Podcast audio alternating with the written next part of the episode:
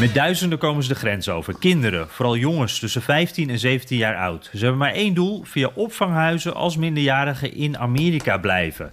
Bij familie, toegewezen voogden of pleeggezinnen. De chaos is enorm. De opvanghuizen puilen uit. This crisis is a result of President Biden's open border policies. It invites illegal immigration and is creating a humanitarian crisis in Texas right now. Dat krijg je nou als je de grens openzet, zegt de Republikeinse gouverneur Abbott. Trump was met zijn muur zo lekker op weg. Minderjarigen werden gewoon teruggejaagd. Uh, betaalt Biden die prijs voor zijn veel liberalere immigratiepolitiek? Daar gaan we het natuurlijk over hebben, maar ook over de volgende impeachment. Wat? Ja, het kan zeker. Nog een impeachment. Mijn naam is Jan Posma in Washington. Op mijn vertrouwde plekje aan de eettafel met een volle bak lekker hete koffie. Maar wel een uurtje later dan normaal. Want jullie zijn al naar de zomertijd. Ik vind dat zo'n symbool van ja, gelukzaligheid. En dat zitten jullie al even. Ja, ik ben Bernard Hammelburg in de Hollandse wintertijd in Studio Hammelburg. Ook met een volle mok koffie. En natuurlijk wachten we hier in, uh, in Nederland op de verkiezingsuitslag, Jan. Beetje ja. saaie boel trouwens. Geen campagne op straat. Allemaal vreselijk beschaafd. Niemand die dreigt met actie. Geen complotten over gestolen verkiezingen. Helemaal niks. Allemaal keurige dames en heren. Die je eigenlijk alleen maar ziet in televisiedebatten of bij ons hoort op de zender in interviews. Maar op straat, nee hoor. Wat, wat is jouw nieuws, Jan? Ja, nou, ik moet zeggen, het, is hier uh, uh, nou, ook wel een beetje rustig deze week. En ik zit dus ook uh, vanaf afstand ook naar de verkiezingen in Nederland te kijken natuurlijk. en, en ja, ik hoor het jou ook al doen. Je gaat het dan toch wel met die verkiezingen in november hier vergelijken. Hè? Dat, dat is wel logisch. Hoe, hoe, hoe zijn de verschillen dan tussen de twee landen?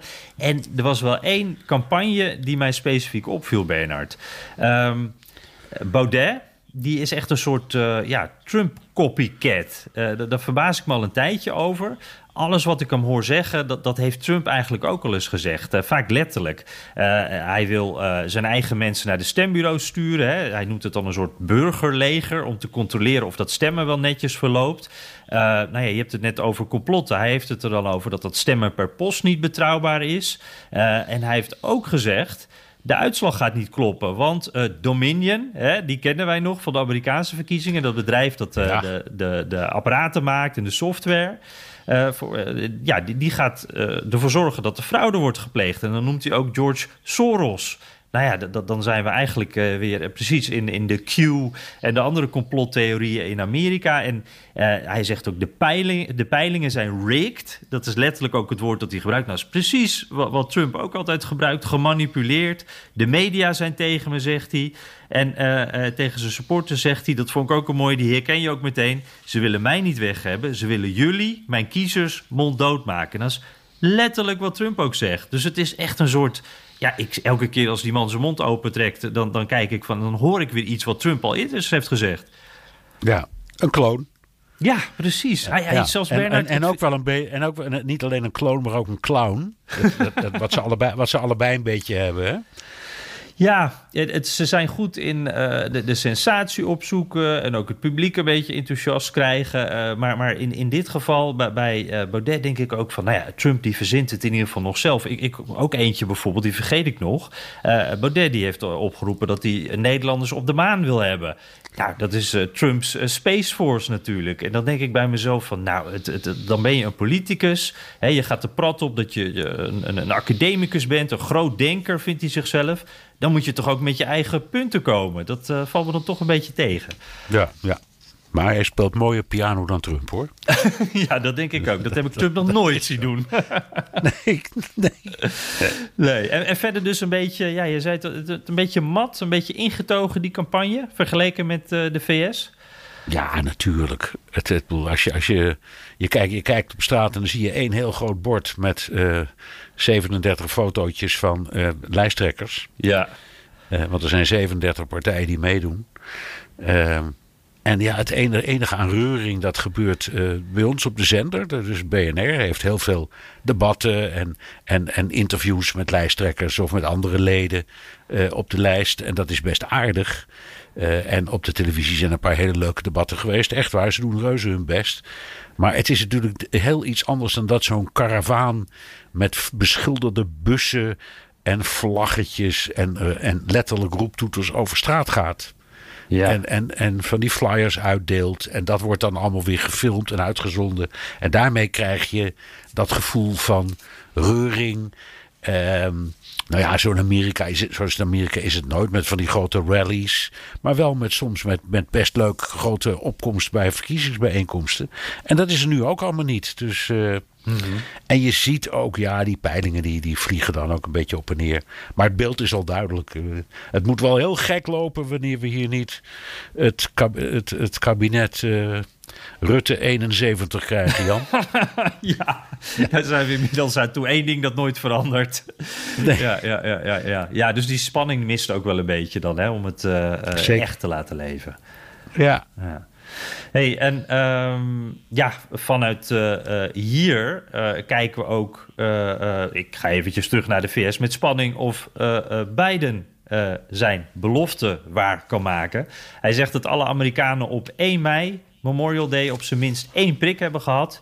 En uh, ruim een maand later, op uh, de 4th of July, de nationale feestdag, dan is Amerika goed deels uit de zorgen. If we do all this, if we do our part, if we do this together, by July the 4th, there's a good chance you, your families and friends will be able to get together in your backyard or in your neighborhood and have a cookout and a barbecue and celebrate Independence Day. Ja, dat is wel, uh, wel heel uh, ruim een, een, maand later uh, overigens. en daarnaast experts die waarschuwen, het leven is dan ook nog niet helemaal terug naar normaal. Dat zegt Biden zelf ook. Hè. Die grote evenementen kunnen nog niet. Maar toch, hij, hij spiegelt al een, een toekomst voor van een zomer waarbij weer gebarbecued kan worden in de tuin. Ja, Heerlijk hoor, moet ik moet zeggen. Want uh, mijn kinderen hebben een mooie tuin en een mooie barbecue. Ik kan niet wachten. Nee. Uh, maar maar hij, steekt, hij steekt wel enorm zijn nek uit, Jan. Want hij heeft zo'n beetje alles wat er is opzij gezet. Om, om dit te bereiken. Dat heeft hij eerlijk gezegd ook in zijn campagne zo aangekondigd. Maar gaat het hem lukken? Gaat hij het redden? Ja, ik, ik, uh, dat, dat nek uitsteken, daar zat ik ook wel uh, over na te denken. Want dit is de eerste keer dat hij echt duidelijke datums bij noemt. Hè? Uh, en, en ze zijn steeds heel voorzichtig en tactisch geweest vanuit de campagne en later ook vanuit het Witte Huis. Dus ik denk, ja, dit, dit, dit, zeggen ze niet als ze niet echt geloven en eigenlijk ook wel zeker weten dat ze het waar kunnen maken. Dus ik denk in ieder geval qua vaccineren dat hij het waar kan, kan maken. En daar is ook wel veel gebeurd. Hè? Die, die productie is omhoog gegaan. Uh, uh, we zien ook dat de cijfers op dit moment de, de goede kant op gaan hier in de VS. maar, en dat, dat, daar waarschuwde Biden ook voor, hij had een slag om de arm. Hij waarschuwde ook voor die nieuwe varianten van het virus. Dus dat is wel een soort, soort kanttekening die hij bij heeft, dat hij zich een klein beetje indekt. Maar ja, dat, dat, dat, er zit een soort optimisme in. Hè? En het is inderdaad deze zomer, de 4th of July, dat heeft nu iedereen in zijn hoofd. Want dat is het moment dat we dan in ieder geval weer, weer in de tuin kunnen zitten met iedereen. En dat is wel een soort, ja, dat is een optimisme dat wel afgestraft uh, kan, kan worden. Hij zegt ook bijvoorbeeld nu, ja, wat we over hebben aan vaccins, dat mag naar het buitenland. Nou ja, als, als we in de tussentijd dus de boel toch nog mislukt, dan krijgen we die zin, samen met die van de 4th of July, dan krijgen we die nog heel vaak te horen, denk ik. Ja, ja. Ik, uh, ik denk ook dat het gaat lukken, Jan. Uh, hij zet zo alles op alles. En als je ook hoort welke, hoe, wat die enorme aantallen vaccins zijn die ze inkopen. Mm -hmm. uh, en dan heb je natuurlijk nog altijd een distributieprobleem, want het is een groot land. En eh, zoiets verdelen onder, nou ja, je hebt 331 miljoen inwoners, maar ik denk dat dan toch wel iets van 280 miljoen of zo zo'n spuitje gaan krijgen. Het is niet niks. Um, maar ik wil ook dat het hem gaat lukken, Jan. Want hier speelt mijn eigen belang. Ik heb een hoop te doen. Ik, moet heel, ik, heb dus nu, uh, ja, ik wacht even tot mijn prikken, maar dan kom ik uh, heel snel weer terug. Maar ik heb heel veel werk uh, in Amerika. Ik, ik noem maar wat. Mijn accreditatie bij de Verenigde Naties is verlopen. Je weet, ik, dat, die, die heb ik al jaren. En dat is altijd even een dingetje. Dat moet je dan allemaal keurig netjes uh, verlengen. En ik ga ervan uit dat er misschien in september toch wel iets van een algemene vergadering zal zijn. Ja. En ik heb, ik heb een aantal professionele dingen die ik moet regelen. En wat heel belangrijk is, Jan. Ik wil nou eindelijk een keer aanschuiven bij jou aan de eettafel. Ja. Voor het, voor het maken van onze podcast. Ja, en die, die lekkere koffie ook eens proeven. En die lekkere koffie proeven. um, en dan heb ik nog een ander eigen belang.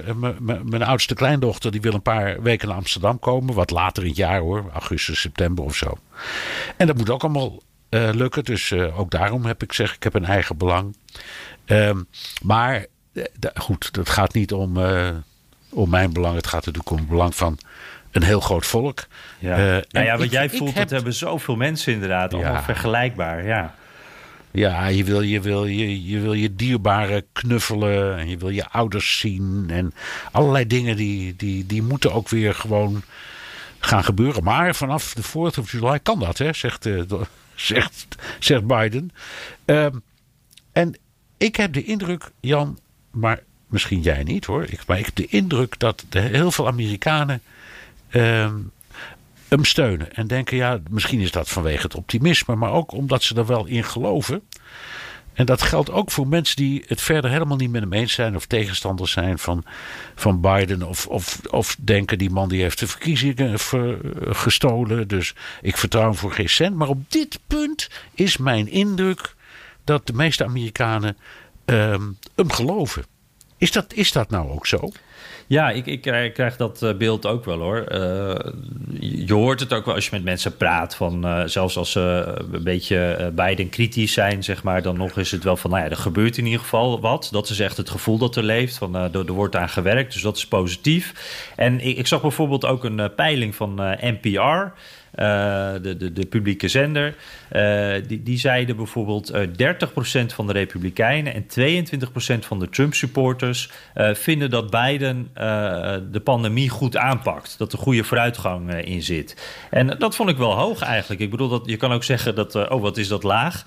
maar dit zijn dus echt nou, de fanatieke Trump-supporters, dan toch bijna een kwart. Dat, dat vond ik wel opvallend. Dat, want dat zijn mensen die toch heel compromisloos echt achter Trump blijven staan. En alles wat niet Trump is, dat is ook meteen helemaal verkeerd. Dus dat, uh, uh, nou, dan vind ik dat wel een uh, hoog aantal. nou ja, dan zeggen die, die groep, die zegt er dan ook bij je... maar het is Trump die de basis heeft gelegd. Hè? Dat, dat is dan wel natuurlijk wat er dan bij wordt gezet.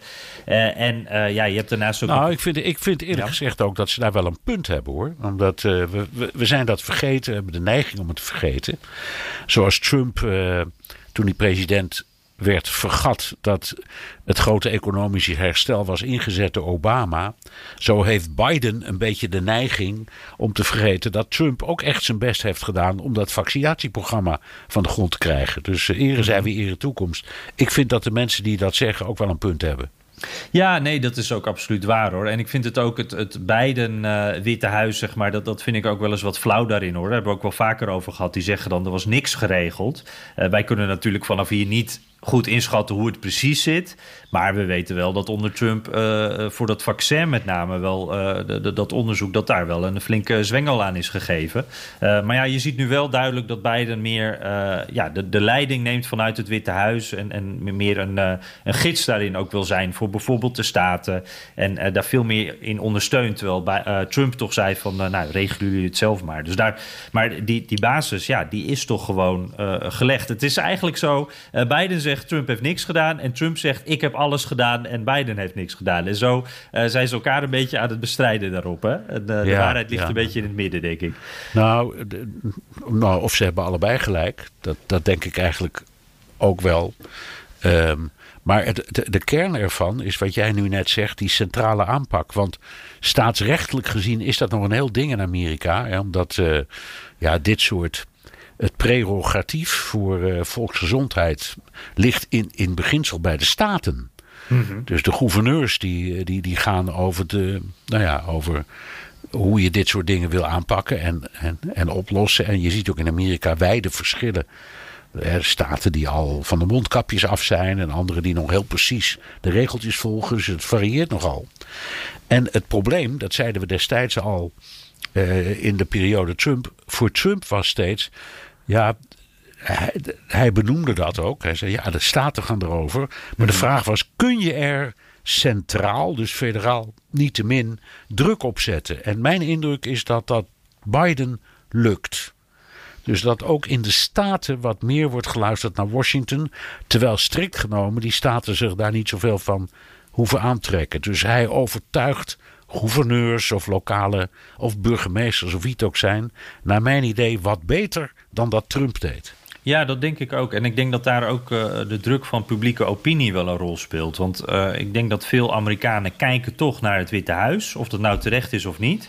En uh, nou ja, nu ze daar dan wat vandaan zien komen, er komt nu een, een duidelijke boodschap vandaan. Uh, we werken aan het vaccineren, laat je ook vaccineren. Uh, dat is gewoon een hele duidelijke boodschap. En dat mensen daar ook wel wat mee kunnen. Terwijl uh, eerder onder Trump was het natuurlijk nogal wisselend wat daar vandaan kwam. en ik denk dat daar ook die, die, gouverneurs, ook als je een republikein bent, dan moet je toch af, ja, dan, moet je daar toch rekening mee houden wat jouw kiezers, de burgers in jouw staat vinden. En dat die dat dus ook wel merken. Dat er wat meer een duidelijke lijn automatisch is, omdat hij uit het Witte Huis komt. met uitzonderingen natuurlijk ook. Hè, daar hebben het ook al eens eerder over gehad. Texas en Mississippi bijvoorbeeld, die zijn weer helemaal open. Uh, die hebben republikeinse gouverneurs. Uh, we hebben nou, Abbott net laten horen van Texas, de, de, gouverneur. Ja, die, die, die is daar heel rigoureus in ook. Die zegt gewoon, hup, we moeten gewoon weer. het is klaar, het is mooi geweest. ik zag daar, dat vond ik wel opvallend, zijn approval rating is dan deze week wel een klein beetje omlaag gegaan sinds hij dat, die order heeft gegeven dat alles weer open moest. Dus dat vond ik wel, wel grappig om te zien. En ook wel opvallend, Bernard, Florida. Dat, uh, dat, Ron DeSantis, de, de, de, gouverneur daar, daar wordt nu een beetje naar gekeken van wacht eens eventjes. Uh, die hebben de hele tijd bijna alles open gehouden. Uh, die hebben eigenlijk een beetje gedaan alsof corona er niet was. ook op dit moment hè, is het spring break en dat, nou, er zijn wel regeltjes, maar je ziet toch dat een menigte van jongeren die daar op strand en in de discotheken staat. Uh, maar uh, als dan de cijfers worden vergeleken, bijvoorbeeld met Californië, dan blijken die verschillen niet heel erg groot. Uh, als je het omrekent, de, de, de, sterftecijfers van Florida. Um, uh, en Californië. En als je dan bijvoorbeeld Californië naar Florida om zou rekenen, dan zou, uh, uh, zou er geloof ik het verschil 3000 doden zijn. Als Florida zich zo streng aan regels had gehouden als Californië. 3000 doden verschil. Ja. En daarvoor wordt nu gezegd van wacht even, die economische gevolgen waren gigantisch van alles dicht houden in Californië. En in Florida gaat het dus economisch veel beter. Dus ja, is dit misschien ja, was dit het misschien wel waard, heel hard gezegd, 3000 doden? Nou ja, dat is nou een beetje het nou verhaal. Ik, je, je, denk, je denkt ook, zouden we misschien met z'n allen ons gek hebben laten maken, zoals Trump al die tijd heeft betoogd eigenlijk. Mm -hmm. uh, door, door een soort waanidee dat, uh, dat het allemaal heel slecht gaat en dat je elkaar helemaal niet meer mag spreken en zien en dat anders de hel op aarde komt. Of misschien is dat niet helemaal waar. Um, ja. Want in Florida, in Florida hebben ze toch laten zien dat je met vrijwel, of het ontbreken van, van maatregelen, het helemaal niet zo slecht doet. Of niet zoveel slechter dan de rest van de wereld. Overigens wel een stuk slechter dan de meeste Europese landen hoor. Dat hebben we in de vorige podcast al eens uitgerekend. Maar dat scheelt fors. Mm -hmm. Ja, dus dat niet... is waar. Maar, maar, je, maar, maar je hebt een punt. Uh, als je kijkt, als je de staten vergelijkt, dan is Florida met heel weinig maatregelen, komt er heel goed uit. En, en dat is natuurlijk ook wel. Uh, uh, het zijn andere situatie is in Florida dan in bijvoorbeeld Nederland. Ze kunnen daar ook veel makkelijker buiten dingen doen. Dus dat scheelt denk ik ook wel dat veel half of helemaal in de buitenlucht is. Maar het is, uh, er wordt nu al gezegd, die Ron DeSantis, nou die, zou, die, die staat pole position voor 2024. want dit kan hij natuurlijk goed gebruiken als de staat die nou ja, ook economisch het coronavirus overleefd heeft. Dus ja. Nou, we zullen ja. zien. Um, hey Bernard, uh, als we het eens even wat breder trekken. De wereld, zullen we maar eens uh, zeggen. Uh, dan komen we natuurlijk bij jou uit als buitenland commentator en presentator van BNR De Wereld. Biden die gaat ook geopolitiek deze week. Ja, er zijn een paar dingen.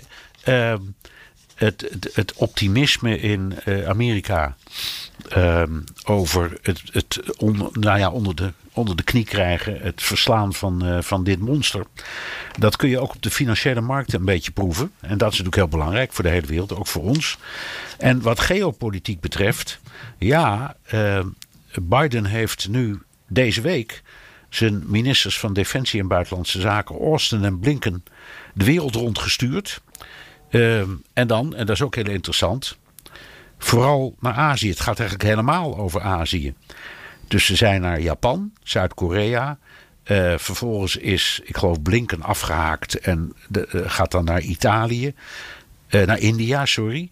En dan komen ze elkaar allemaal weer tegen in um, Alaska. En daar komt dan een hele hoge delegatie van Chinezen naartoe.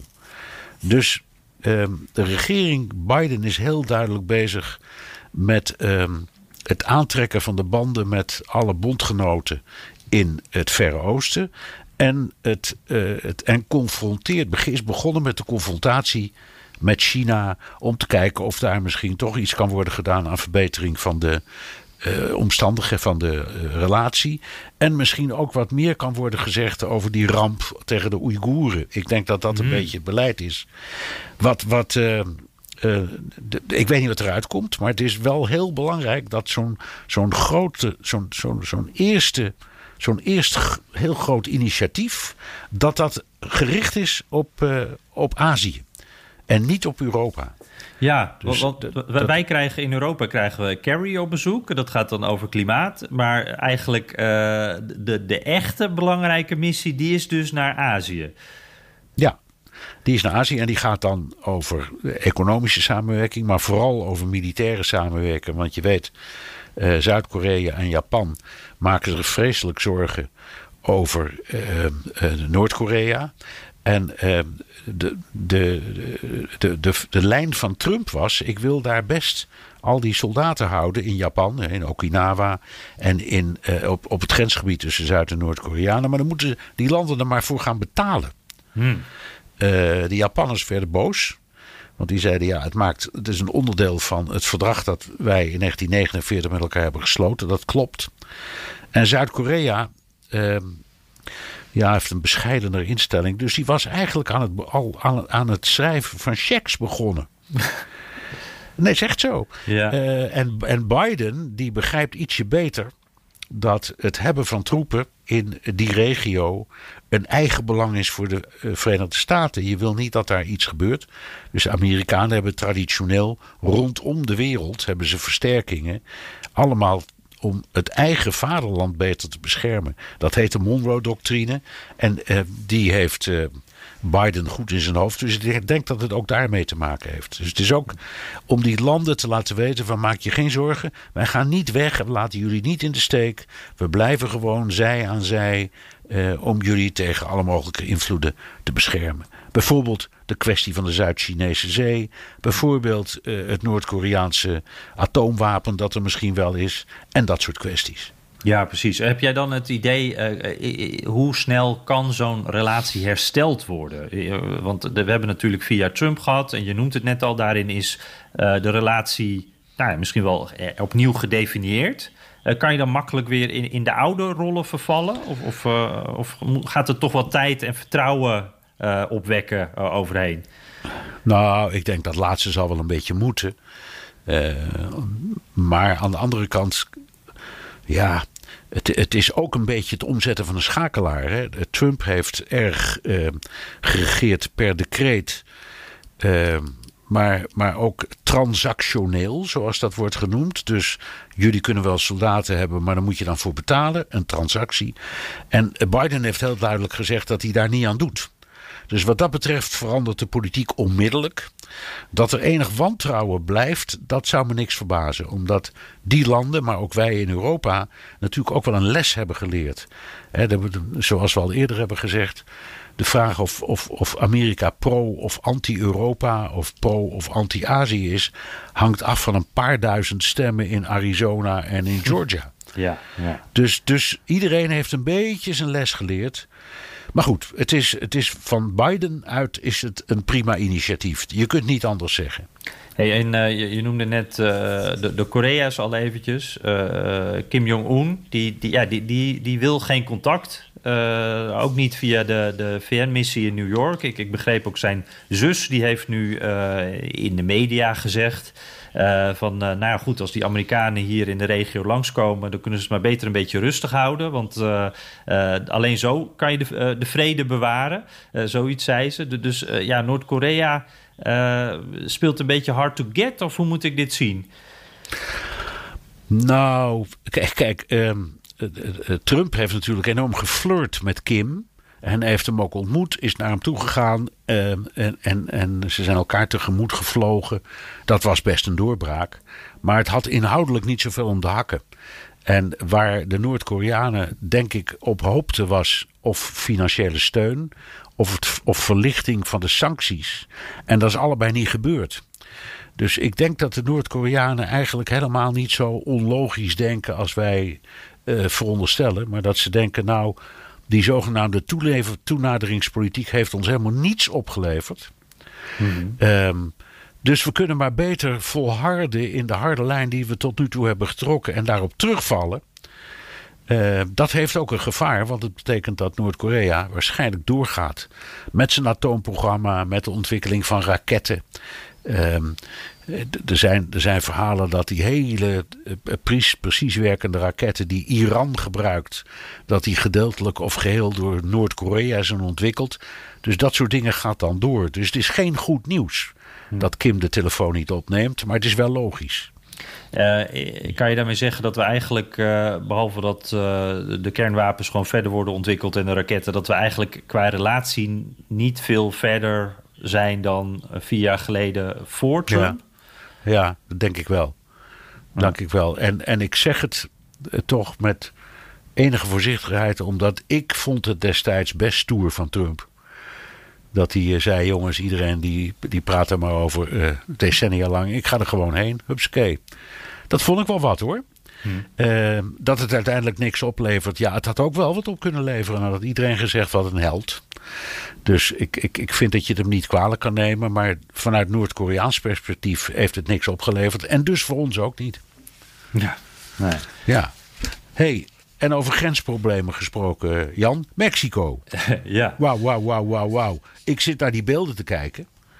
Uh, en jij ongetwijfeld ook. En dan zie je duizenden illegale immigranten, vooral kinderen. Um, je zei het in de inleiding ook al, die zie je die grens overkomen.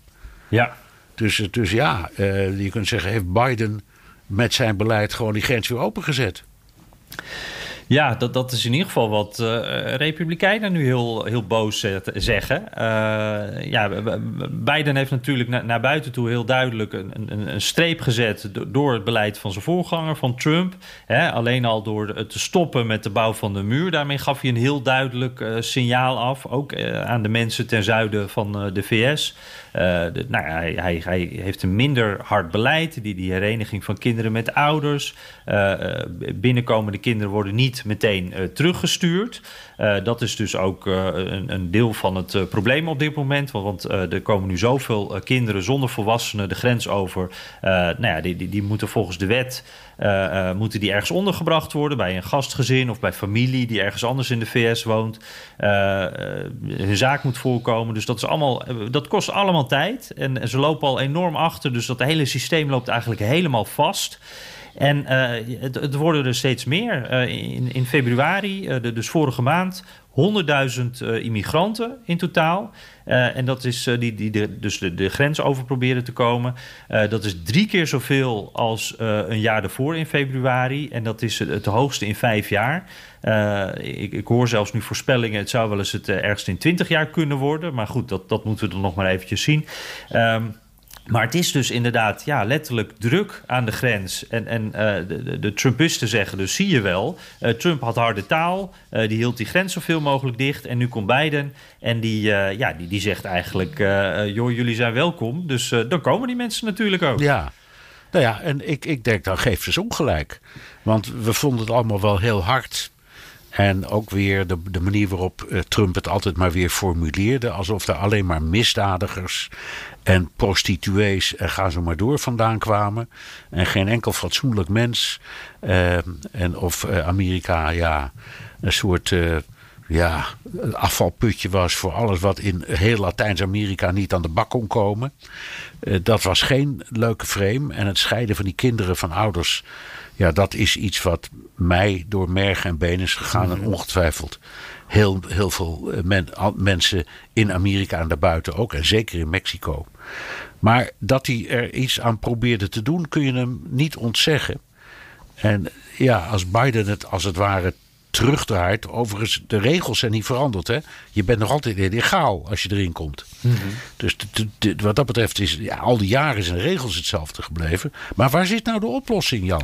Ja, dat is echt uh, moeilijk hoor. Trouwens, overigens, die, uh, wat jij net noemt, die harde toon van Trump, die hoor je hier ook echt nog wel hoor. Uh, wat, toen ik vorige week in Virginia was bijvoorbeeld, toen, toen waren mensen ook toch heel hard over immigranten. En toen viel het me ook heel erg op hoe, hoe on top of mind dat is. dat, dat is een onderwerp wat dan meteen bijna ter sprake komt.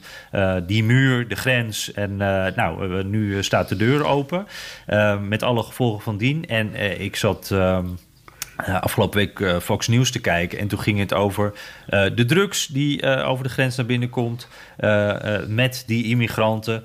over hoe de kinderen die nu zeg maar lief over de grens lijken te komen. Als lieve kleine kinderen. Hoe dat straks terroristen worden. Dat, dat was een, een, een, congreslid. Ik dacht dat het Lindsey Graham was. Weet ik niet helemaal meer zeker. Maar echt harde taal. En ook uh, corona wordt erbij genoemd. Van, oh, ze komen allemaal besmet de grens over. En hoewel veel republikeinen uh, corona dus niet serieus genoeg nemen om, om zelf een vaccin te halen of op een mondkapje te dragen, uh, zijn immigranten met corona, dat werkt wel meteen. Dus dat is echt hele harde, gemene ja. taal. ja, ra racistisch ook.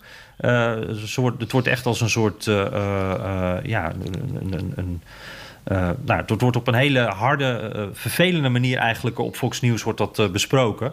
Um, en, maar goed, even terug naar inderdaad Biden. Wat dan wel de oplossing is. Want ik denk inderdaad, die, die, die minder harde toon van Biden... dat heeft natuurlijk een aanzuigende werking gehad. ook het vooruitzicht. Dat Biden zegt van, nou ja, een, een pad naar citizenship. daar gaan wij aan werken. Nou, dan denken mensen natuurlijk, daar moeten we nog even bij zijn. Als we nu de grens overkomen, dan kunnen we daarvan mogelijk nog profiteren. Um, en ik denk dat toch uiteindelijk uh, de, de, kern ligt hem van in, in die, die gebieden in Midden-Amerika waar het nu zo slecht gaat, uh, waar de voedselvoorziening gewoon uh, niet goed op peil is. Mensen hebben daar echt honger. Er zijn er twee orkanen geweest afgelopen jaar, waardoor er echt grote tekorten zijn daar. er is daar veel geweld. Uh, dus er zijn allerlei grote problemen. En, en wat, wat ik me in ieder geval van de, de, de, ja, de, de illegale migranten die ik de afgelopen jaren heb gesproken, wat me toch altijd is bijgebleven. Uh, die mensen nemen gigantische risico's uh, om die grens over te komen. Uh, die, die hebben ook een, een heel onzeker bestaan, gaan ze tegemoet, illegaal in de VS. Uh, met, met een jarenlang juridisch uh, traject wat eraan van zit. Alleen maar onzekerheid. Dat is echt, het is echt niet zo dat hun kostje meteen gekocht is als ze over de grens komen. Het feit dat ze die grote risico's, en, en ook het risico trouwens van zo'n reis door de woestijn zit er vaak bij, waar echt ja, je levensgevaar gevaar, hebt. al die dingen, die weerhouden ze er toch niet van om het te doen. Dus ik denk dat daar toch ook de sleutel ligt. Dat je in die gebieden ja. moet gaan kijken wat je daar kan doen om daar de situatie te verbeteren. Ja, ik heb er ook een aantal keren met grote verbazing uh, staan kijken. En altijd met dezelfde vraag in mijn hoofd. Uh, en ook vaak gesteld daar aan mensen. Maar waarom is het nou zo een hel waar je uitkomt? We doen nou net alsof Mexico of de landen ten zuiden van Mexico of dat nou allemaal de hel op aarde is, dat is toch gewoon niet waar. Het zijn samenlevingen die soms economisch minder gaan. Um, er, is, uh, de, de, de, er, zijn, er zijn grote spanningen, maar het is toch niet zo. Zoveel moeite doen, zoveel risico lopen. Misschien wel tien jaar ondergedoken moeten blijven leven in Amerika. Is ja. dat het allemaal waard?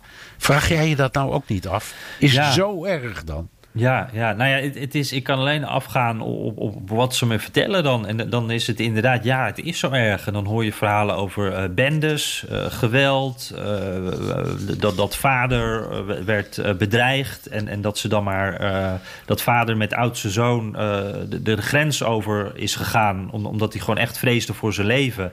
En moeders zit nog met de andere zoon in dat land. Uh, dit was dan uh, Honduras, geloof ik, uh, als ik me goed herinner. en, en ja, ze zeggen, ja, zo erg is het dus echt. En het is ja, ja het, echt nou heel schrijnend hoor. Ja, ik bedoel het ook eigenlijk. Je, je, je ondergaat niet al die ontberingen als er niet iets vreselijks aan de hand is. Nee, precies, precies. Het is echt niet zo van, oh, we gaan makkelijk even naar Amerika, want we willen een uitkering of een makkelijk baantje. Zo werkt het echt niet. Want ook, ook als je door al die juridische uh, dingen gaat, dan nog heb je het echt niet makkelijk in de VS als nieuwe migrant. Nee, nee, maar wat je wel veel ziet en hoort, is dat ze allemaal zeggen: Oom Juan, die is daar ook heen gegaan en die is multimiljonair geworden, dus we gaan bij hem wonen. Oh ja, dat, ja, ja dat de een of andere manier zit dat in hun hoofd. Ja.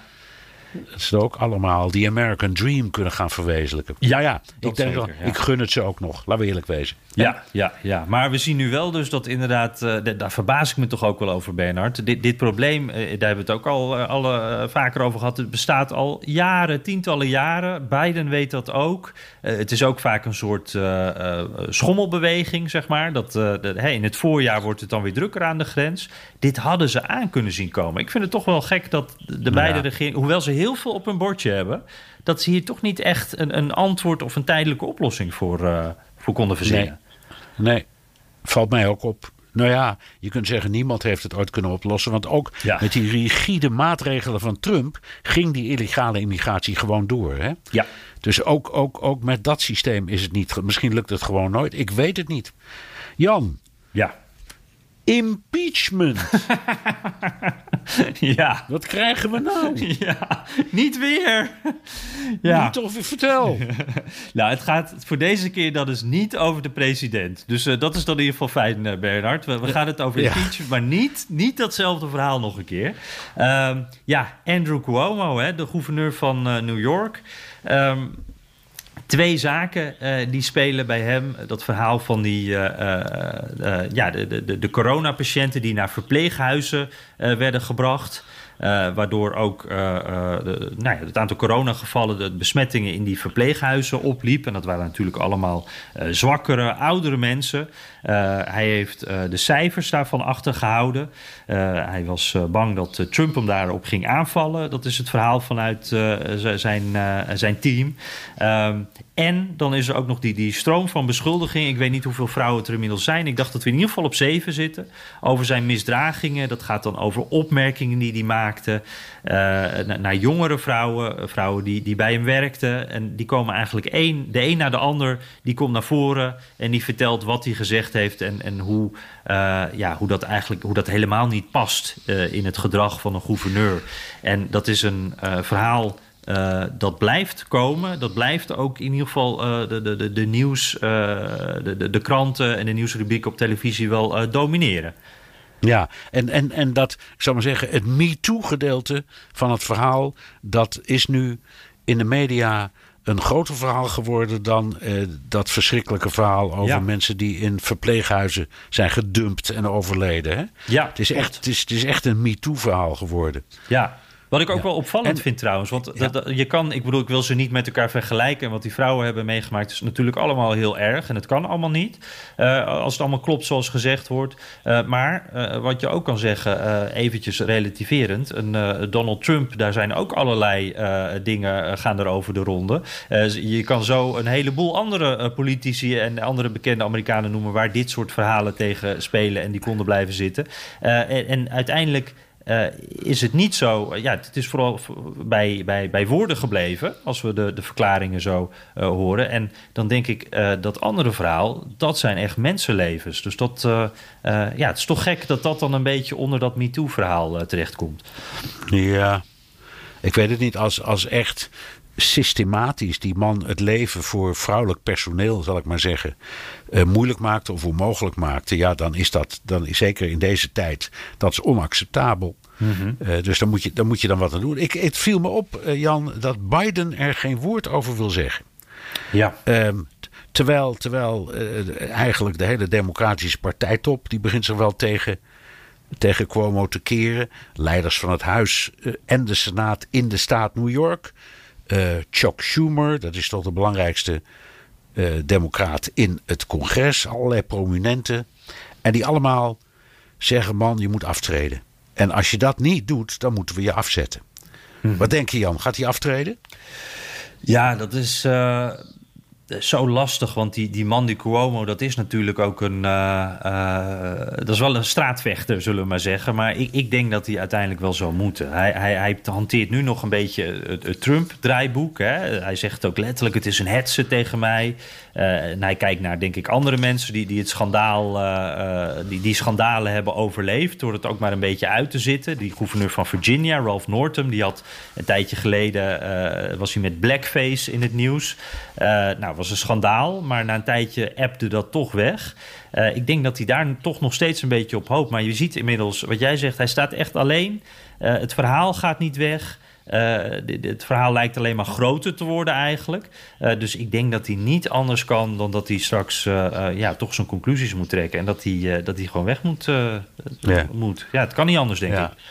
Nee, ik denk dat hij ook weinig keuze heeft. Terwijl aan de andere kant, als het zo is dat het niet helemaal klopt of helemaal niet klopt, dan heeft het ook iets onbillijks. Maar dat is in al dit soort kwesties zo. Hè? Het is mhm. altijd een, ja, het is een he says, she says verhaal. Ja, maar ik vind het tragisch. Er loopt nog een onderzoek natuurlijk. Dus uh, daar zeggen, uh, dat, dat zegt Biden ook van... Uh, ja, we moeten dat onderzoek nog maar even afwachten. Dus ik ben benieuwd hoe lang dat op zich laat wachten. Want dat, dat is ook wel een, ja, iets waar iedereen op wacht natuurlijk in dit verhaal. Wordt wel ook, ja. dat is ook, zie je trouwens binnen de partijen... die, die tegenstelling uh, ze zitten ook nog wel een beetje eh, met die L. Franken in hun achterhoofd. Uh, die moest destijds, die, die, comedian, dat ook congreslid was, ja, die moest toen opstappen naar ja, foto's in, in de MeToo-sfeer, zeg ik maar even. Um, hij, hij, maakte een vrouw toen belachelijk met een foto. Daarvan denken ze nu van ja, toch wel misschien iets te hard aangepakt. Helemaal als je kijkt naar hoe republikeinen met dit soort schandalen omgaan. Dus er is wel een soort lastige uh, uh, ja, tweespalt in de partij. Ja. Waarvan de helft zegt van ja, zijn we ook niet roomser dan de paus nu? Ja, het is moeilijk. Ja, dat is, en dat is heel lastig omdat Amerika is, uh, wordt niet alleen net als de rest van de wereld, moet in de spiegel kijken over hoe mannen omgaan met vrouwen in het algemeen. Maar het is daarboven ook nog een heel preutsland. Ja. Dus, dus in Amerika worden dingen misschien zelfs wat sneller ernstig genomen dan in de meeste Europese landen. Dat scheelt ook nog hoor, denk ik. Ja, hey Jan, en dan, en dan komt uit de, de coulissen gekropen uh, een mij onbekende mevrouw, uh, Kathy Hochul. Dat is de vice-gouverneur. Ik had er nooit van haar gehoord. Terwijl ik, ik in de staat New York woon, dus ik zou toch moeten weten wie mijn eigen vice-gouverneur is. Maar nee hoor.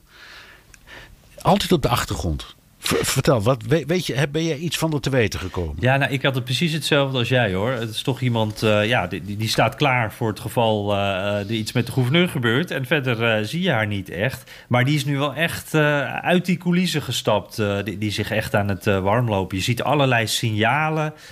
Hoe zij de, de, de, aandacht zeg maar nu naar zich toe trekt. Een klein voorbeeldje. zij heeft recent haar vaccin gehaald. Nou, dat, uh, daar werd een speciale uitnodiging naar alle media gestuurd. Via haar eigen uh, kantoortje, via haar eigen campagne. En normaal gesproken gaat het dan via het kantoor van, uh, van de gouverneur ook. Nu dus niet. nou, daar was ongeveer net zoveel aandacht voor als wanneer de gouverneur dat zou doen. Dus zij is echt steeds meer in beeld. En, en ja, ja, je ziet duidelijk de ambitie daarvan afstralen. Zij heeft er zeker wel zin in om, om haar baas op te volgen eigenlijk. Ja, New York, here I come. Ja, zeker, zeker. Ja, zoiets.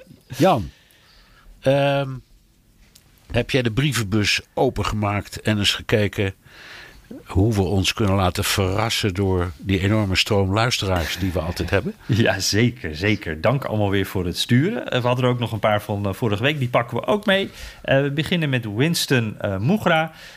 die zegt: Kunnen jullie eens uitleggen hoe het nou precies zit met het goedkeuren van de door Biden aangedragen bewindspersonen door de Senaat? En hij zegt dan: Die vraag stel ik omdat het toch raar is dat je als overwinnaar van de verkiezingen de tegenstander toestemming moet vragen om een bepaald persoon op een bepaald ministerie neer te zetten.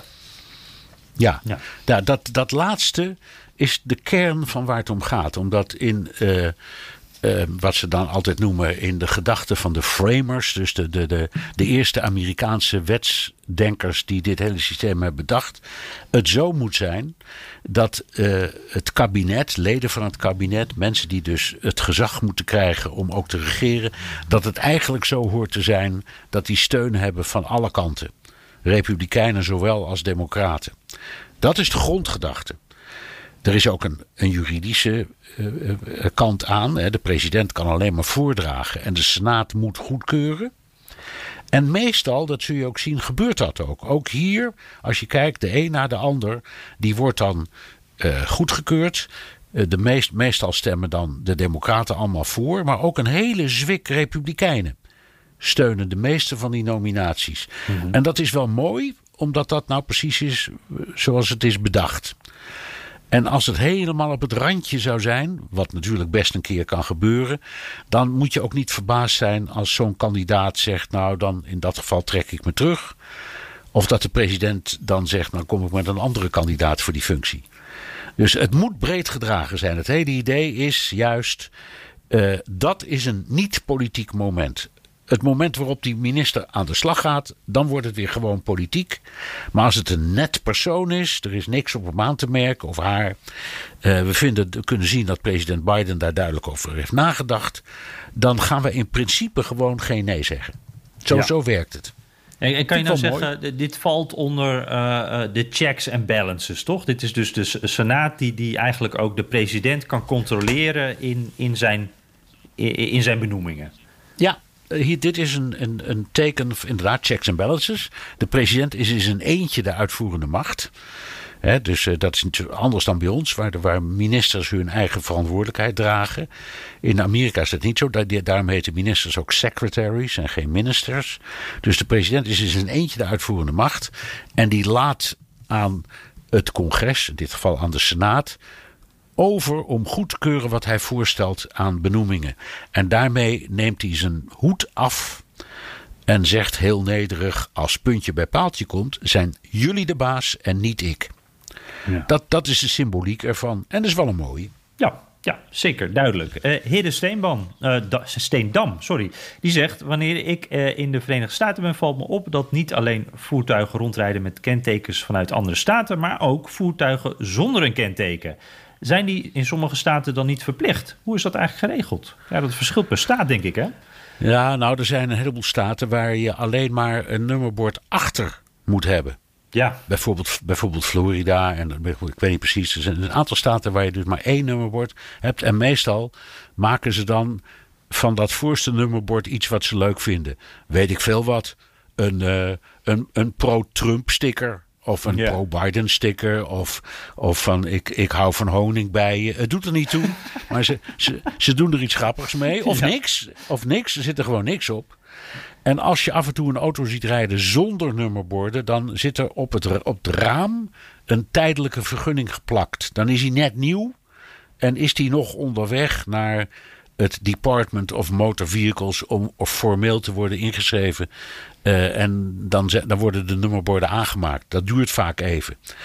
Maar in, de meeste gevallen, ik denk waar, waar Hidde het hier over heeft, is uh, auto's die van aan de voorkant geen uh, nummerbord hebben. En dat, dat, dat een heleboel staten waar dat zo is. Ja, het ziet er wel mooi uit, vind ik altijd. Maar het is ook super ja. onhandig als je een, een Uber bijvoorbeeld wil bestellen. Dan uh, kijk je altijd naar het nummerbord natuurlijk. En in Florida moet je dan dus altijd even eerst wachten tot hij voorbij is gereden. En pas dan kan je het zien. Het is echt heel onhandig. Precies, ja, precies. Maar ja. dat terzijde. David Post, die zegt... Uh, uh, nou, Amerika Post, podcast, een van mijn favoriete podcasts. ik luister altijd zo snel mogelijk nadat hij uitkomt. Vaak lopend op mijn dagelijkse rondje in het Oosterpark. dat zou zomaar Groningen kunnen zijn, denk ik. Uh, of, ja, of wat dacht je van Amsterdam? Ja, dat kan ook. Ja, zeker. Ja, ja. ja. Ben, ben, benieuwd, nee, David. Maar, Nee, maar het zal, dit, zal, dit zal het Groningse zijn. Ja. Hij uh, uh, zegt, uh, soms zit hij ook, ja, dat kan een hint zijn. in de auto op weg naar mijn moeder, die in het Friese Surhuis de Veen woont. Dus dat zou toch het ja. noorden suggereren. Of het is een hele lange autorit, dat kan ook. in ieder geval, de vraag. ja, hij zegt, ik ben erg benieuwd hoe het nu met die kapitool, kapitoolbestormers is. Dus niet de groep, maar bijvoorbeeld die man met die stierenhoorn op zijn hoofd. De man in het kantoor van Nancy Pelosi. Die man met die tie wraps. Ja, allemaal eigenlijk. En volgens mij, uh, Bernard, uh, ze zitten allemaal eigenlijk uh, in, in die juridische malenmolen. Hè. Ze, moeten, ze, ze, zijn allemaal bezig om voor de rechter te komen. Ja. Een gedeelte zit vast. ja, een deel zit in voorarrest en een deel, een deel is thuis in afwachting van een rechtszaak.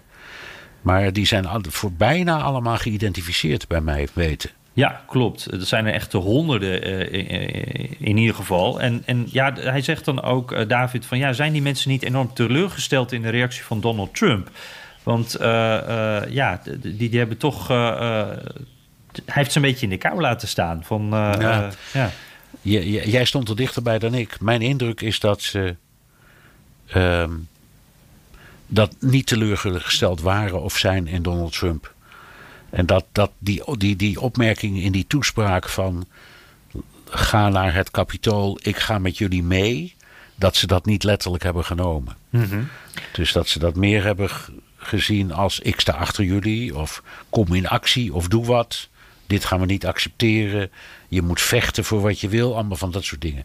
Ik geloof niet dat het iets uitmaakt. Want de groep die hem steunt, die, stuurt, die, die steunt hem blind. Dat is nog steeds zo. Ja. En zeker voor de, dat geldt zeker voor deze groep. Ja, ik, ik hoor wel uh, bijvoorbeeld de man met de stierenhoorn. Uh, die, uh, die, die zegt dan wel in, in de rechtbank: Ja, ik zag het als een oproep. ik deed het omdat Trump het, het wilde. En hij, hij, hij had ook verwacht dat hij gratie zou krijgen van Trump. Dus daar was hij zeker teleurgesteld over.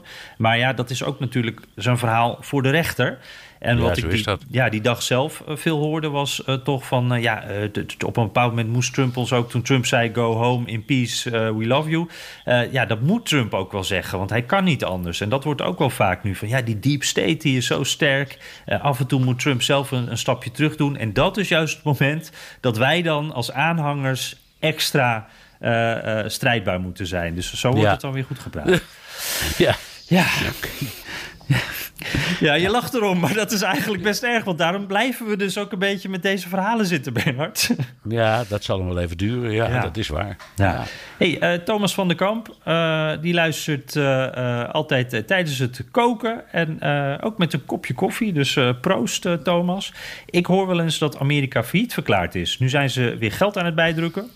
Hoe lang kunnen ze nog doorgaan met bijdrukken tot de dollar valt of er hyperinflatie plaatsvindt?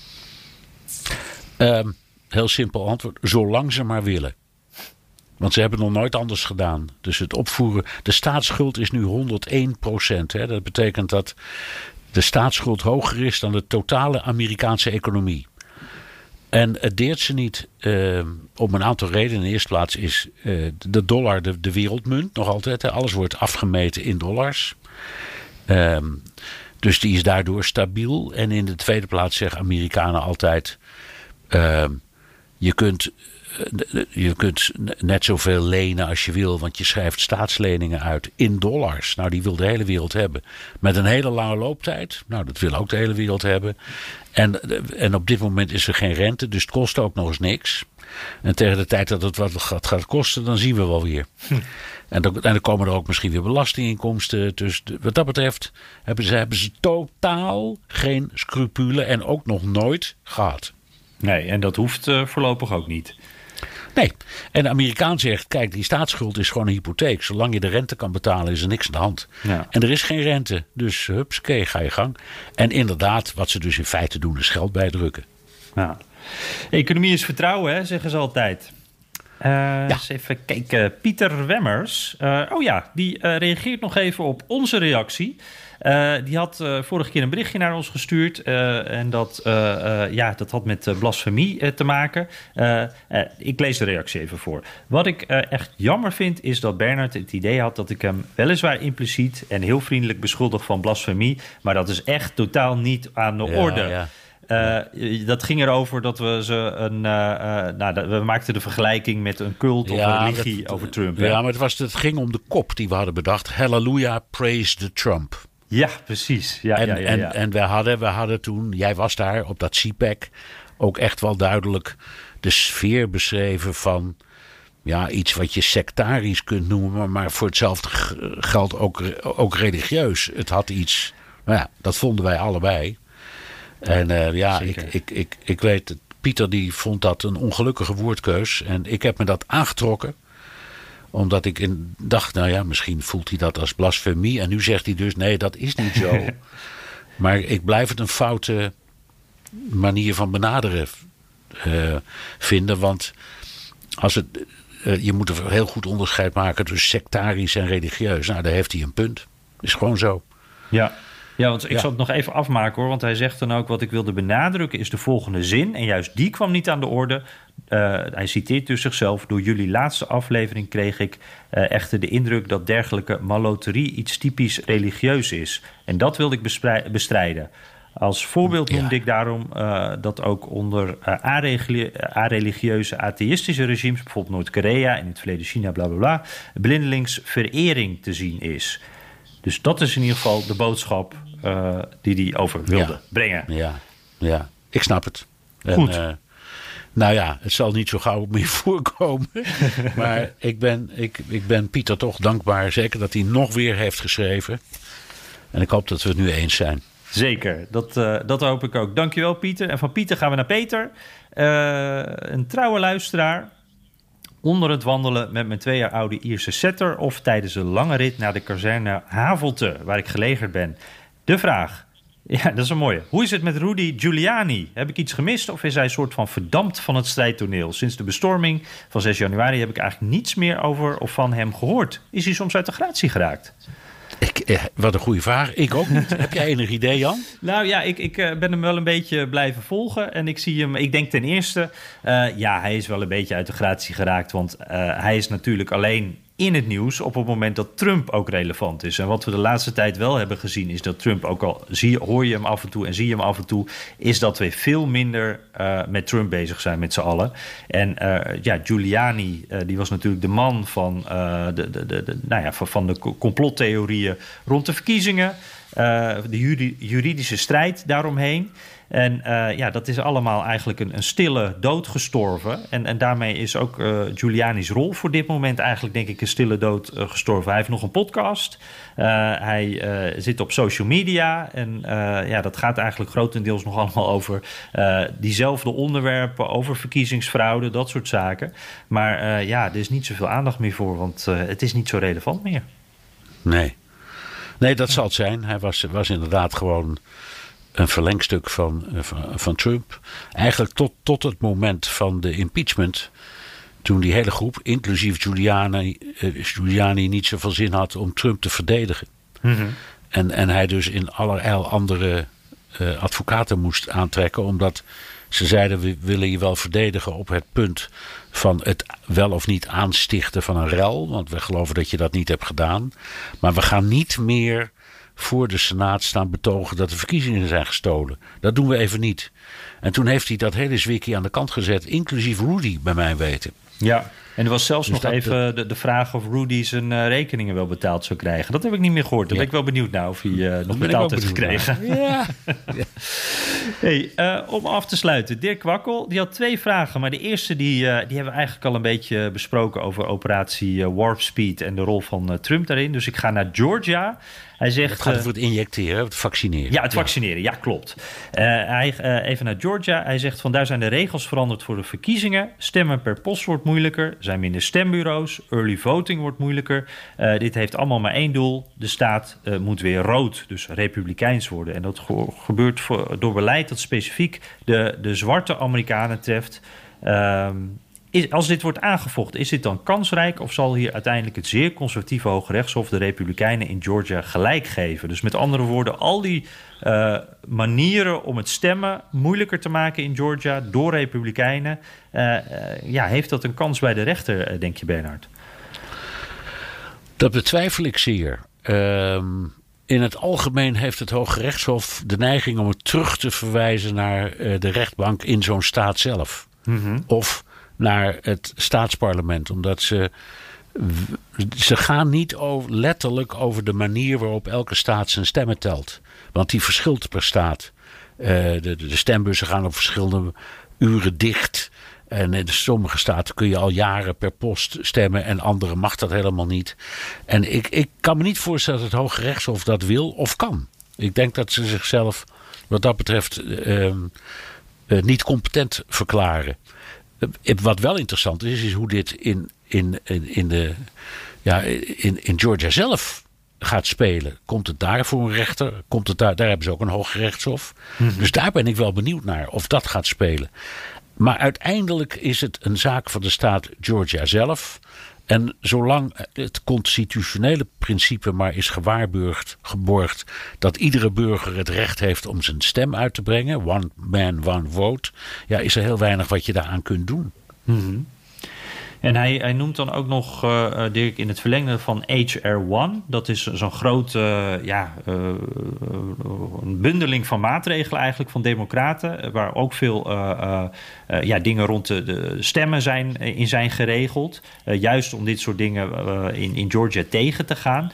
hij vraagt zich dan af, ja, is dat nog een goede strategie om, om dus die republikeinen tegen te werken in die manieren om het stemmen moeilijker te maken? Ja, het antwoord is ja, maar ik denk dat het ze niet, dat ze het niet lukt om door de Senaat te krijgen.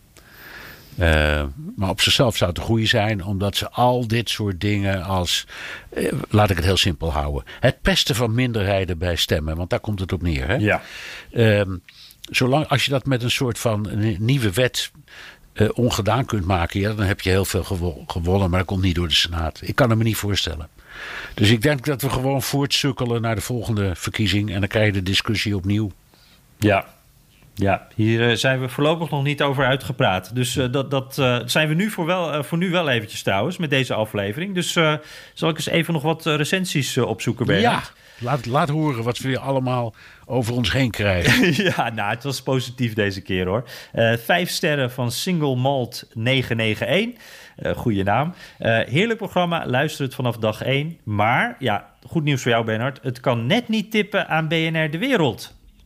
Maar het ah. staat wel uh, samen met het programma over de Derde Wereldoorlog. Is dat, zijn dat onze vrienden van Boekenstein en de Wijk? Of zou ja. dat dus. Ja, op een mooie ja, tweede plek vlak eronder. Dus dat is wel een mooi erepodium, Bernard. Ja, nou, ik, ik, ik hoop dat het allemaal ex-equo is. want deze drie producties, hè, Boekenstein en de Wijk en de Wereld en de Amerika podcast worden gelukkig via de podcast heel veel beluisterd en we krijgen er heel veel reacties op. Dus ik ga er maar vanuit dat uh, ik ga, we, we, liggen gelijk. Dat gevoel heb ik ook. ja, ja. ja, we zijn in ieder geval trots oh. dat we in dit mooie uh, rijtje mogen staan. Hij zegt ook nog van, uh, hij zou het wel prettig vinden als we wat minder over Trump kunnen praten en wat meer over wat algemene zaken praten. Dus dat, ja, daar heeft hij gelijk.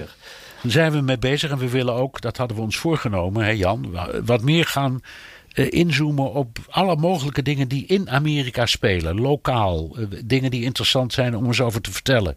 Uh, die normaal niet aan, waar je niet aan de orde komt. Maar dat wordt al maar tot nu toe afgeremd door al die politieke ontwikkelingen. Maar het, ja. het, het, is, het is uit mijn, ja, het spreekt me zeer aan. Ja. Ik, ik, ik wil een, een, hele uitzending zonder Trump. Wat zou dat mooi zijn? nou, ja. Ja. Terugluisteren kan via de BNR-site, Apple Podcast en Spotify. Heb je vragen, opmerkingen, kritiek of complimenten? Dan kan het ook met een tweet aan Jan Posma USA of BNR De Wereld.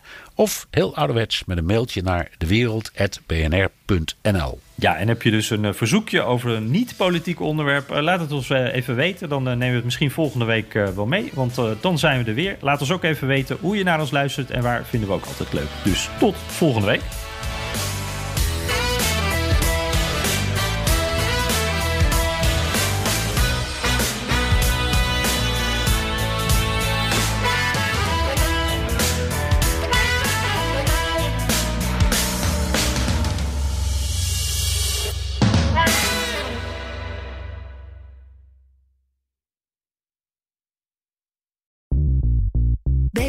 BNR ben je altijd als eerste op de hoogte van het laatste nieuws. Luister dagelijks live via internet. Jelle Maasbach. Wesley Weert. We zijn er voor je met het leukste, opvallendste, maar natuurlijk ook het belangrijkste nieuws. Tijdens de presentatie van die halfjaarcijfers toen die beurskoers in elkaar kukkelde. BNR Beurs. Voor de slimme belegger. Blijf scherp en mis niets.